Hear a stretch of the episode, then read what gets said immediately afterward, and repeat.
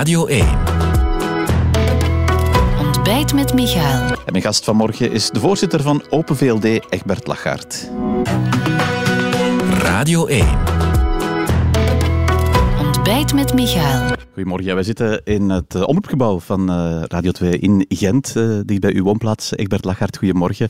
Voorzitter van Open VLD, de partij van de premier ook, die we gisteren op die persconferentie zagen. Ja, toch heel strenge maatregelen afkondigen.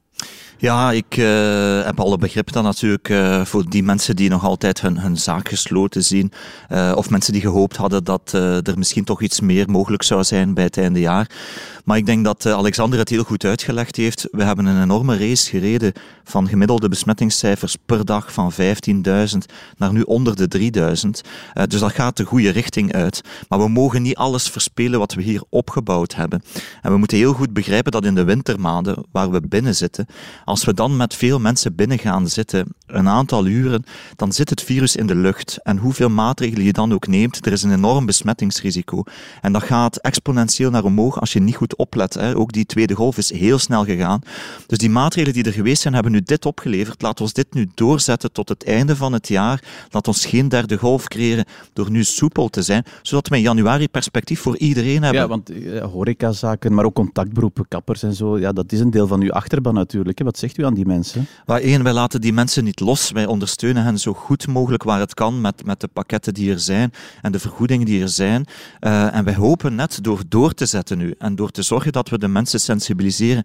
Let toch op met het einde jaar, doe het in besloten kring. Dat we hen ook zo snel mogelijk perspectief kunnen geven in januari. januari. Dat is ja, januari. Dat zal na nieuwjaar zijn. Uh, dus er is een evaluatiemoment 15 januari. Uh, als de cijfers dan echt heel goed zitten, dan zou het toch eens mooi zijn dat België, die aan de top stond van de besmettingscijfers, als we op dat moment bij de beste leerlingen in Europa staan, dan zullen wij mogelijk ook degene zijn die met de horeca iets kunnen doen begin van volgend jaar. Want ik vrees dat andere landen die nu heel soepel zijn, dat die de omgekeerde weg gaan, gaan, gaan opgaan als België, die dan dingen weer mogen sluiten. Laten wij dan het land zijn die mensen dan perspectief kunnen geven in 2021 om terug open te gaan. Ja, ze krijgen natuurlijk ook steun. Dat is natuurlijk niet om alles te compenseren, dat is een klein deel, maar dat maakt wel dat die coronafactuur samen met alle andere kosten uh, op uh, vlak van begroting, ook op vlak van schuld, bijzonder hard oploopt. En dus uh, als de, de race tegen corona gelopen is, dan begint het eigenlijk pas echt voor, voor uw regering. Uh, het klopt. Uh, de eerste uitdaging van deze regering is nu deze coronacrisis. Hè. Dus op een coherente manier die aanpakken, zodat we tegen het voorjaar hopelijk naar een normale situatie kunnen gaan. Dat is eigenlijk test 1 voor deze regering. Ze zou onmiddellijk moeten invliegen. de tweede uitdaging van die regering zal inderdaad zijn een aantal hervormingen opstarten die die begroting ook gezonder kunnen maken. En uh, we hebben nu natuurlijk die uitgaven voor corona. Ieder land zit daar wat mee, iedereen heeft dat soort steunmaatregelen.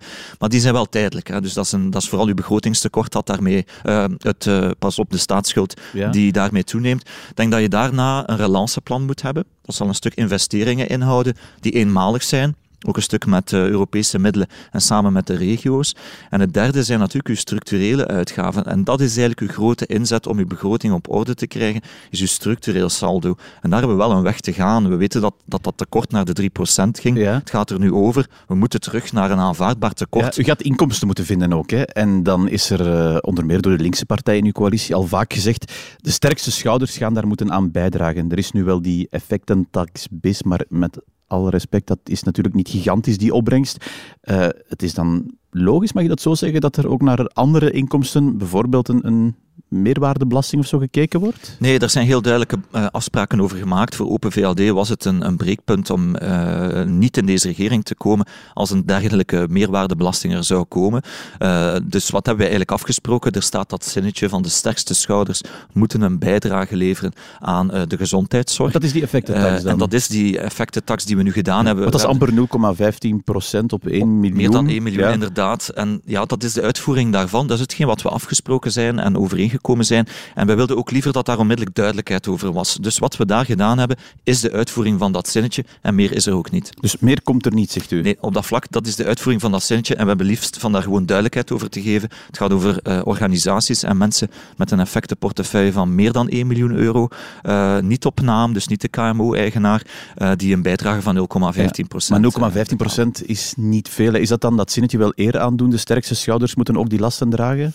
Ja, weet je, het probleem is als het veel geld moet opleveren, en er, er waren andere types regeerakkoorden waar ik niet wilde in meegaan, die, uh, die 4 miljard aan opbrengst hadden ingeschreven voor zo'n meerwaardetax. Ja, daar hebben wij als liberalen gezegd, dat doen we niet. Want we weten heel duidelijk dat dat niet bij de sterkste schouders terechtkomt. Als je miljarden opbrengst wil hebben, dan komt dat bij de middenklasse terecht. Dat zijn dat taxen op de middenklasse. En dat willen wij absoluut niet. Nee, u hebt wel gerefereerd aan het regeerakkoord. De voorbije week zijn daar toch wel wat dingen en, en thema's uh, op de agenda gekomen uh, die raken aan ja, zaken waar u ook destijds als kandidaatvoorzitter het over gehad hebt. Kernenergie bijvoorbeeld. Hè. Er is een, interview, een kranteninterview, dacht ik, opgedoken met als titel die twee kerncentrales die moeten open blijven. Dat zei u als kandidaatvoorzitter.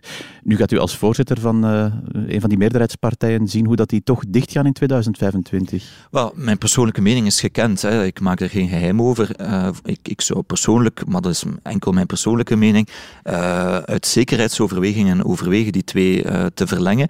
Maar ehm, we hebben nu eigenlijk een, een, een, duidelijk akkoord in het regeerakkoord en we gaan dat loyaal uitvoeren, die op een verstandige manier omgaat met de verschillende meningen die bestonden rond de tafel. En het eerste is ergens duidelijkheid creëren dat de regering op zich de kernuitstap wil proberen laten lukken. Hè, tegen 2025 stoppen. Waarom is dat belangrijk dat dat signaal gegeven wordt door de minister van Energie?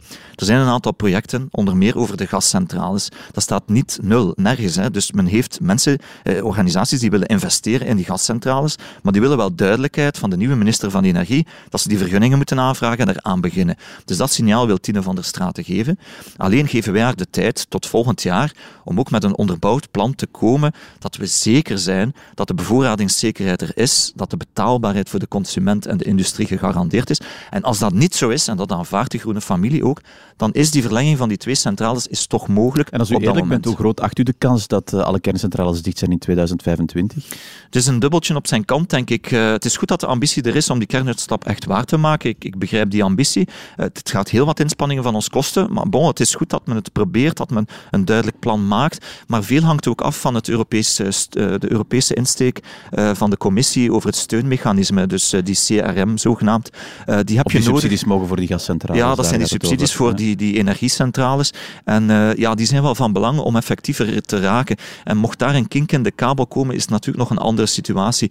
Maar bon, laat ons voorlopig uitgaan van scenario A, dat ook ondersteunen. Daar zijn we collectief solidair in in de regering. Maar we hebben wel een backup plan dat ook een beetje terugvalt op mijn persoonlijke mening. Als het nodig is, moet je dat toch kunnen overwegen. Ja, maar u zegt dubbeltje op zijn kant, dat interpreteer ik als 50-50. Ja, maar goed, allez, we hebben duidelijk afspraken gemaakt. We gaan scenario 1 is de kernuitstap. En als dat niet lukt, als we zien uh, ergens tegen het voorjaar volgend jaar uh, dat er een probleem is met de commissie, uh, met, met die, dat steunmechanisme, of een ander probleem dat opduikt, maar dan zijn ook de groene partners niet zo rabiaat dat er niet over te praten valt. Dat is ook de tekst die we in het regeerakkoord geschreven ja, hebben. Die groene partners, of toch Ecolo, bracht deze week ook abortus plots weer op de agenda, of toch de, de parlementaire discussie er rond en het wetsvoorstel. gaat dat nu plots toch anders geïnterpreteerd worden als in het regeerakkoord stond. Oh, maar bon, je moet ook zien van, van wie het soms komt. En ik, ik begrijp soms dat parlementsleden nog een beetje moeten wennen aan de context van nu in een meerderheid uh, te zitten. Maar ik stel toch alleen maar vast dat uh, als het dan op niveau van voorzitters komt of binnen de regering, dat iedereen in dat soort discussies heel snel teruggaat naar de tekst van het regeerakkoord. En de tekst van het regeerakkoord is daar heel duidelijk over. Er is ook heel lang over gediscussieerd. Er komt een wetenschappelijke evaluatie over het uh, dossier. en daarna zal het binnen de commissie Justitie wel besproken worden. Maar we gaan daar maar in vooruit als er een consensus is tussen de zeven partners. Dat is de, een garantie die de CD&V afgedwongen heeft van, van maar de anderen. De parlementaire weg die, die blijft wel gevolgd, hoor ik u zeggen. Het zal sowieso in het parlement besproken worden, maar ook in de beslotenheid van de meerderheid eerst. Hè. Niet in een publieke commissie zullen wij binnen de meerderheid een, een, een forum oprichten met parlementsleden. Maar alleen dat, voor meerderheidsparlementsleden dan? Ja, in eerste instantie, omdat de tekst van het regeerakkoord is dat je slechts vooruit gaat in consensus met de zeven partijen. Dus dan moeten wij aan tafel gaan zitten met, uh, met uh, de zeven uh, partijen in het parlement en zorgen dat we daar uitraken en dan kan je daarmee vooruit. Dus de tekst is heel duidelijk. We gaan pas vooruit als er een consensus is en eerst een wetenschappelijke evaluatie. Ja, maar de wetsvoorstel volgt dus zijn weg wel, dat zegt u ook. Ja, maar wat we niet wilden doen is het echt helemaal naar de regering brengen, waardoor de parlementsleden die eraan gewerkt hebben niks meer te zeggen zouden hebben. Dus ik zou het wel bij de parlementsleden laten, maar we gaan maar in consensus vooruit, ook als CD&V, als we samen een akkoord hebben, dan gaan we vooruit, niet tegen één partner. In. U verwijst expliciet naar dat regeerakkoord als basis in Brussel. De Brusselse regering, waar uw partij ook in zit, is er ook een regeerakkoord. Stadstol staat daarin. Komt die er? Wel, die staat uh, daar toch niet zo in. Wat dat erin staat, is dat er een slimme kilometerheffing uh, onderzocht wordt in samenspraak met de andere gewesten. Dat is wat uh, in de tekst van het regeerakkoord staat. En dat is ook wat Sven Gats doet. Hè. Dus Sven zit in de regering als minister van Financiën en samen met Elke van den Brand zullen zij een voorstel uitwerken over een slimme kilometerheffing. Principieel valt trouwens in heel veel steden in Europa, in Stockholm, Londen, heeft men ook gezien dat als je dat op een goede manier aanpakt, dat dat een enorm effect heeft op de files en op de mobiliteit, wat, wat wel verstandig is. Het enige probleem is in België is dat je dat heel moeilijk tegen de andere gewesten kan invoeren. Dat, uh, dat leidt door het feit dat je een taxshift zou doen in Brussel, want dat zou in Brussel betekenen dat de automobilist geen verkeersbelasting meer betaalt, maar hij zal wel een kilometerheffing betalen. Voor een automobilist in Brussel is dat sturend en geen belastingverhoging. pendelaars die met de auto komen alle pendelaars zou dat wel een, een, platte belastingverhoging zijn als ze nergens een compensatie dus krijgen. komt er dat? En dat kan niet. Allee, dat laatste kan niet en dat is natuurlijk de lijn die Lydia Peters-Vlaams ook duidelijk heeft ingenomen, gesteund door onze partij. Als het over een eenzijdige invoering zou gaan, zonder compensatie, zonder akkoord met de andere gewesten, en het is een belastingverhoging voor de pendelaar, dat kan niet voor ons. Maar dat weet Sven ook. Dus, de dus hij gaat dat niet beslissen? Dat de bedoeling is dat Brussel nu een voorstel uitwerkt en daarmee een dialoog start met de andere gewesten. Maar ik vrees dat je zoiets heel moeilijk kunt doen in ons land als je geen akkoord hebt met die andere gewesten. Nee, we hebben het over kernenergie gehad, abortus, eh, de, de kilometerheffing of stadstol. Het is altijd, zijn altijd groene thema's waar toch, ja, het botst ergens met uw partij. Is dat die onnatuurlijke coalitie waar u nu in zit? Maar op zich uh, kun je niet vermijden dat een, een groen, uh, een parlementslid of een, een, een, minister in een andere regering of iemand die in een stad of gemeente actief is, dat die andere standpunten inneemt dan een liberaal mandataris. Dat zou maar vreemd zijn. Het zijn twee andere ideologieën. Maar wat we wel gedaan hebben samen, is de constructiviteit gezocht om samen een regeerakkoord te schrijven. En in tijden van discussie over een bepaald thema wordt dat vrij snel uitgeklaard binnen die regering. Er is een heel goede dialoog, telefoons worden genomen tussen voorzitters. En wat ik altijd vaststel, is dat binnen de 24 of 48 uur dat soort zaken ontmijnd zijn. Dus sfeer is goed, zegt u? Dat is, dat is toch wel een serieus verschil met de Zweedse coalitie, waar eerlijk gezegd men niet belde met elkaar, men niet sprak met elkaar, maar de communicatie via headlines in de kranten liep. Hè. Ja, maar de, de, Zweedse coalitie bestaat nog hè, op Vlaams vlak en daar zit u ook in. Daar zegt u, die sfeer is daar veel minder goed. U, u belt niet met uw collega-partijvoorzitters daar? Uh, dat is, uh, u weet om de gekende reden, wat, wat moeilijk met, uh, met N-VA. Maar op zich moet ik wel zeggen dat Jan Jan Bon een, een goede minister-president is, die, die eigenlijk de samenhang in zijn, zijn regering heel goed bewaakt. en waar ik het gevoel heb, ik hoor dat van, van Hilde Krevits, van Bart Somers, dat die samenwerking nog heel goed is en dat men daar ook elkaar vindt. het is alleen een beetje jammer dat het op partijniveau moeilijker loopt, maar bon, dat is zo. Ik stel alleen vast dat, dat Jan Jan Bon met, met Bart Somers en Hilde Krevits, dat die samenwerking verder goed loopt. Dus uh, op zich ja. maak ik me daar geen zorgen over. Nee, u zegt wel, die, die uh, Vivaldi-coalitie, daar die sfeer is goed, dat, dat werkt goed. Ik denk dat u het ook al eens gezegd hebt. We, moeten misschien verder denken dan 2024. Uh, Joachim Koen zei gisteren in de afspraak bij Ivan ook. we moeten, staatshervorming moet dan klaar liggen, maar eigenlijk moet er dat dan komen volgende legislatuur. Is dat een trein die vertrokken is, wat u betreft, voor meer dan één legislatuur. Vier jaar is natuurlijk uh, lang in, in, de politiek om vooruit te kijken. Als je de sfeer van vandaag kan vasthouden, kun je wel ver raken. Ik, ik denk dat veel uh, mensen echt naar de politiek keken de laatste twee jaar van wat een stilstaand uh, gegeven van zaken die niet vooruit gaan. Mensen die geen beslissingen durven nemen. Partijvoorzitters die hun, zichzelf niet kunnen overstijgen om met anderen samen te werken. Ja, dat is nu wel een beetje de antithese ervan. Vivaldi is dat men wel bruggen geslagen heeft tussen niet evidente uh, samenwerkingen. Dus dit is een, een, een, nieuw iets. Die sfeer is positief. Laat ons dat zo houden. En we zien waar het in 2024 staat. Maar u, u zegt ook niet per definitie nee. Enfin, u zegt het, het kan wel dat we het, dat kan zeker, gaan, ja. omdat natuurlijk de, de logica van het regeerakkoord is ook dat je op een geleidelijke manier het land wil hervormen en het land terug op een rails wil zetten.